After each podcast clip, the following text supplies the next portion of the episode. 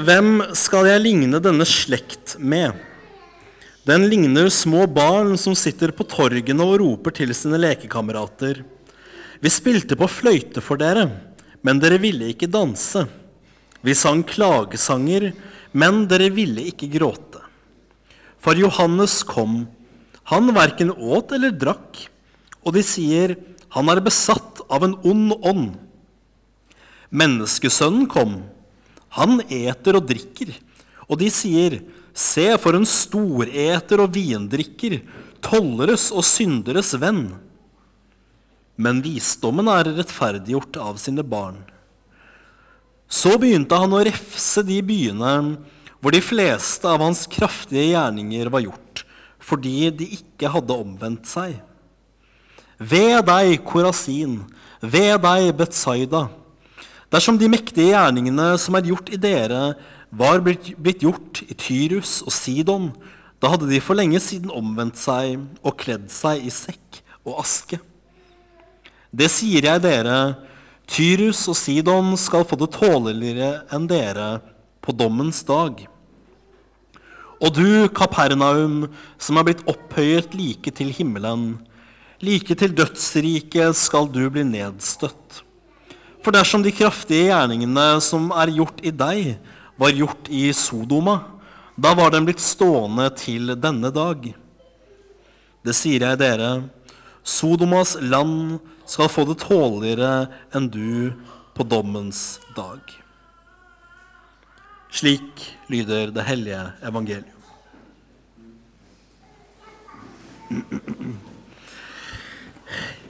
Ja, det er jo, det er jo familiegudstjeneste um, i dag. Og det er mange barn i kirken i dag, og det er veldig hyggelig.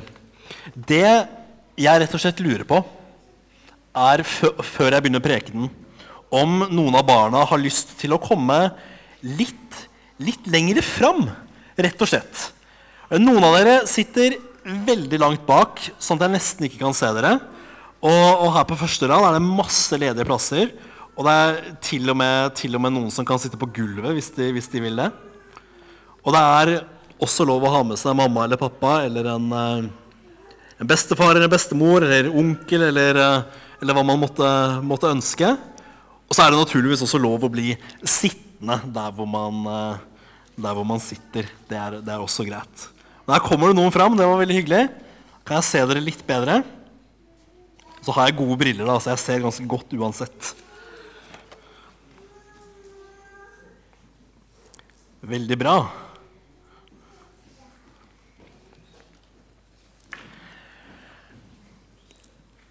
Her kommer det flere. Det var veldig fint.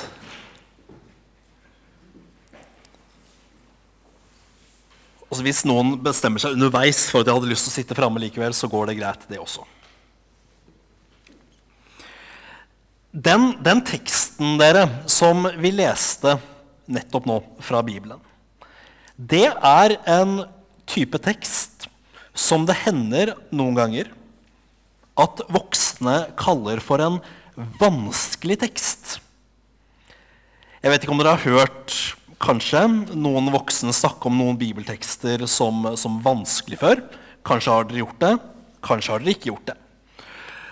Ofte så sier vi voksne at en tekst er vanskelig når, når, Jesus eller noen andre i Bibelen ikke bare sier noe vi syns er litt vanskelig å forstå, men som vi kanskje til og med ikke er helt enige i, eller kanskje ikke liker å høre. Fordi det er jo sånn at Jesus er Guds sønn og kom med et budskap fra himmelen. Og vi er, vi er mennesker, og da er det ikke alltid at vi på en måte helt skjønner eller faktisk til og med liker det Jesus sier til oss, selv om det Jesus sier til oss, er, eh, er godt og, og, viktig. Og Sånn er det med denne teksten, for Jesus er faktisk rett og slett litt streng i dagens tekst. Og Det begynner med at Jesus beskriver egentlig et, et folk, altså noen mennesker, som aldri blir fornøyde. Han, han sier at vi sang klagesanger, men dere ville ikke gråte. Og vi spilte på fløyte for dere, men dere ville ikke danse. Det Jesus egentlig beskriver, det er noen som eh, ikke har lyst til å være med på noe av det man foreslår. Og nå er det ganske mange år siden jeg selv var et barn. Men jeg tror jeg husker litt av hvordan det var.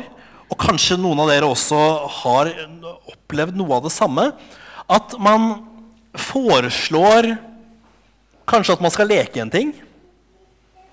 Og så ville ikke den man lekte med, ville ikke leke det. Og så foreslår man en annen ting. Og så ville ikke den man lekte med, leke det heller. Det er helt umulig å få den man skal leke med, til å bli med på noe som helst. Uansett hva man foreslår, så er det liksom Nei, det er teit, og det er kjedelig. Og sånn beskriver Jesus disse menneskene her også, som han snakker om. Og det handler rett og slett om at han beskriver først, um, han beskriver først Johannes, som var en som kom før Jesus og skulle fortelle om Jesus. Og han var for streng. Og han drakk ikke vin, og han spiste nesten ikke mat. Og han var streng. Han var for streng. Han ville det ikke, ville det ikke høre om. Han ville det ikke høre på. Men så kommer Jesus og er ganske annerledes enn Johannes. Og Jesus han drikker. Han drikker vin, og han spiser mat. Og han går på besøk og er på middag hos folk. Og også hos folk som andre mennesker ikke ville gå på middag hos. Da var Jesus for snill. Man blir liksom ikke fornøyd. Og uansett hvordan budskapet om Gud legges fram, så vil man ikke høre. Og så kommer vi da etter hvert til noe av det som man kan kanskje kalle litt vanskelig. Hvor det står i bibelteksten at Jesus refser noen av de byene hvor han har vært og gjort mirakler. Å refse det er et ord som rett og slett betyr å kjefte på. Eller å si at 'dere har gjort noe galt'. Og her har vi altså byer og steder hvor Jesus har gjort store mirakler. Og da lurer jeg på om er det noen av dere barna som har sett et mirakel noen gang? Er det noen som har sett et mirakel? Et skikkelig mirakel? Nei. Ikke sånn, ikke sånn kjempemirakel. Det er ikke så vanlig med mirakler i, uh, i, vår tid. I alle fall ikke på den måten Jesus gjorde det. Men når vi leser i Bibelen, så kan vi lese om at Jesus gjorde kjempemirakler. Han fikk lamme mennesker til å gå, altså mennesker som ikke klarte å gå. de fikk han til å gå igjen. En person som var død, gjorde han levende igjen. Og Han fjernet mange sykdommer, og han drev ut onde ånder. Jesus gjorde kjempestore gjerninger, sånn at menneskene skulle tro på ham. Men hva var det som skjedde? Disse menneskene ville ikke tro på Jesus. Uansett hvor mange mirakler Jesus gjorde, og uansett hvor godt det budskapet om tilgivelse for folks synder Jesus hadde, så ville de ikke høre på ham. Og da begynner Jesus å refse, kjefte på disse byene og dette folket. Fordi det er klart at når Guds sønn kommer og sier 'tro på meg', og folk ikke vil tro, uansett hva han gjør, og uansett hvordan budskapet legges fram, så er det alvorlig. Og Jesus hadde gjort mange undre, og det var nok helt sikkert mange mennesker som hadde strømmet til og folk hadde snakket og sett Hei, dere må komme og se på denne mannen som gjør alle disse store undere. Og så hadde de kommet. Og så hadde de sett og hørt og vært glade for å se helbredelser og store mirakler. Men noe mer enn det ville de ikke vite om. Og Sånn er det også i, i våre dager. At man, man, kan høre om mange sånne mirakelmennesker som trekker tusenvis av folk fordi de gjør under og helbredelser, påstår de selv. Men Jesu budskap om å angre sine synder, altså det man har gjort galt, og det å be Gud om tilgivelse, det blir ofte borte. Og det kan være gøy og spennende med mirakler. Men det Kirken først og fremst skal drive med, er å snakke om at Jesus er død for våre synder. Og at når vi tror på Jesus, så får vi tilgivelse for våre synder. I alle gudstjenestene våre så sier vi noe som heter trosbekjennelsen etter prekenen. Og slutt, mot slutten av denne, denne trosbekjennelsen så sier vi bl.a. at vi tror på Den hellige ånd. Og vi sier også at vi tror på en hellig kirke, og at vi tror på syndenes forlatelse. Syndenes forlatelse det er altså å få tilgivelse hos Gud for det man har gjort galt. Fordi når Jesus snakker til disse byene og sier at det er alvorlig at de ikke har vendt om og trodd på ham, så er det jo fordi det er viktig å få sine synder tilgitt. Dette er fordi vi gjør gale ting. Og hvis man gjør en gal ting, og særlig hvis man gjør en gal ting mot Gud, så er det viktig å få tilgivelse. Så kan man spørre ok, men, men hvordan får vi tilgivelse? Og vi, vi, vi, har da sagt i trosbekjennelsen at vi tror på én hellig kirke. Og at vi tror på syndenes forlatelse. Og Martin Luther forklarer da i sin lille katekisme at når man tror på Jesus, så er man i kirken. Selv om man ikke alltid befinner seg i dette kirkebygget, for da måtte vi jo bodd her alle sammen. Det hadde ikke gått. Men når man tror på Jesus, så er man i kirken. Og i kirken så tilgir Gud meg og alle andre som tror på Jesus, daglig våre synder. Så enkelt. Nesten så enkelt at det kan bli vanskelig. Fordi vi mennesker, og særlig vi voksne, vi liker å ha store og kloke forklaringer på ting. Men så enkelt at når vi tror på Jesus, når vi er døpt og tror på Jesus, så er vi i kirken. Og hver dag så tilgir Gud oss alt det vi har gjort galt. Og dette minnes vi på, og dette får vi også hver søndag i kirken. Vi, vi sang helt i begynnelsen av, av gudstjenesten Gud vår Far, miskunne deg. Herre Krist, miskunne deg. Hellig Ånd, miskunne deg. Miskunne deg betyr ikke så mye annet enn at vi ber Gud være god mot oss og tilgi oss syndene våre. Og så ba vi også en synsbekjennelse, hvor vi, hvor vi ba Gud om tilgivelse for alt det vi har gjort galt. Og etterpå, når vi skal ha nattverd sammen, så får vi også tilgivelse for syndene. For det har Jesus sagt, at den som drikker brødet og spiser vinen, han har del i meg. Og det har vært Kirkens tro, og det har vi trodd lenge, lenge, lenge. I 2000 år faktisk har Kirken trodd det. At når vi går til nattverd, så får vi også der tilgivelse for alle syndene våre. Ære være Faderen og Sønnen og Den hellige ånd, som var, er og blir en sann Gud fra evighet og til evighet. Amen. Da skal vi synge den neste salmen, som står på nummer 763 i den blå boken.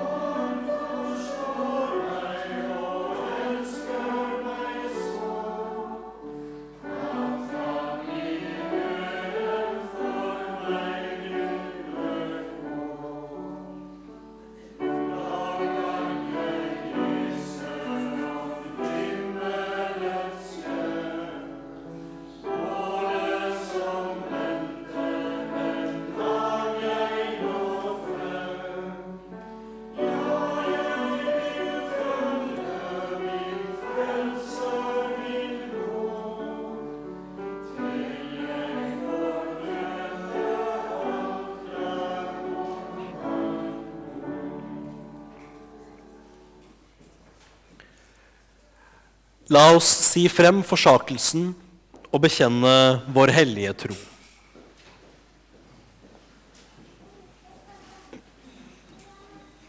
Jeg forsaker djevelen og alle hans gjerninger og alt hans vesen. Jeg tror på Gud Fader, den allmektige himmelens og jordens skaper.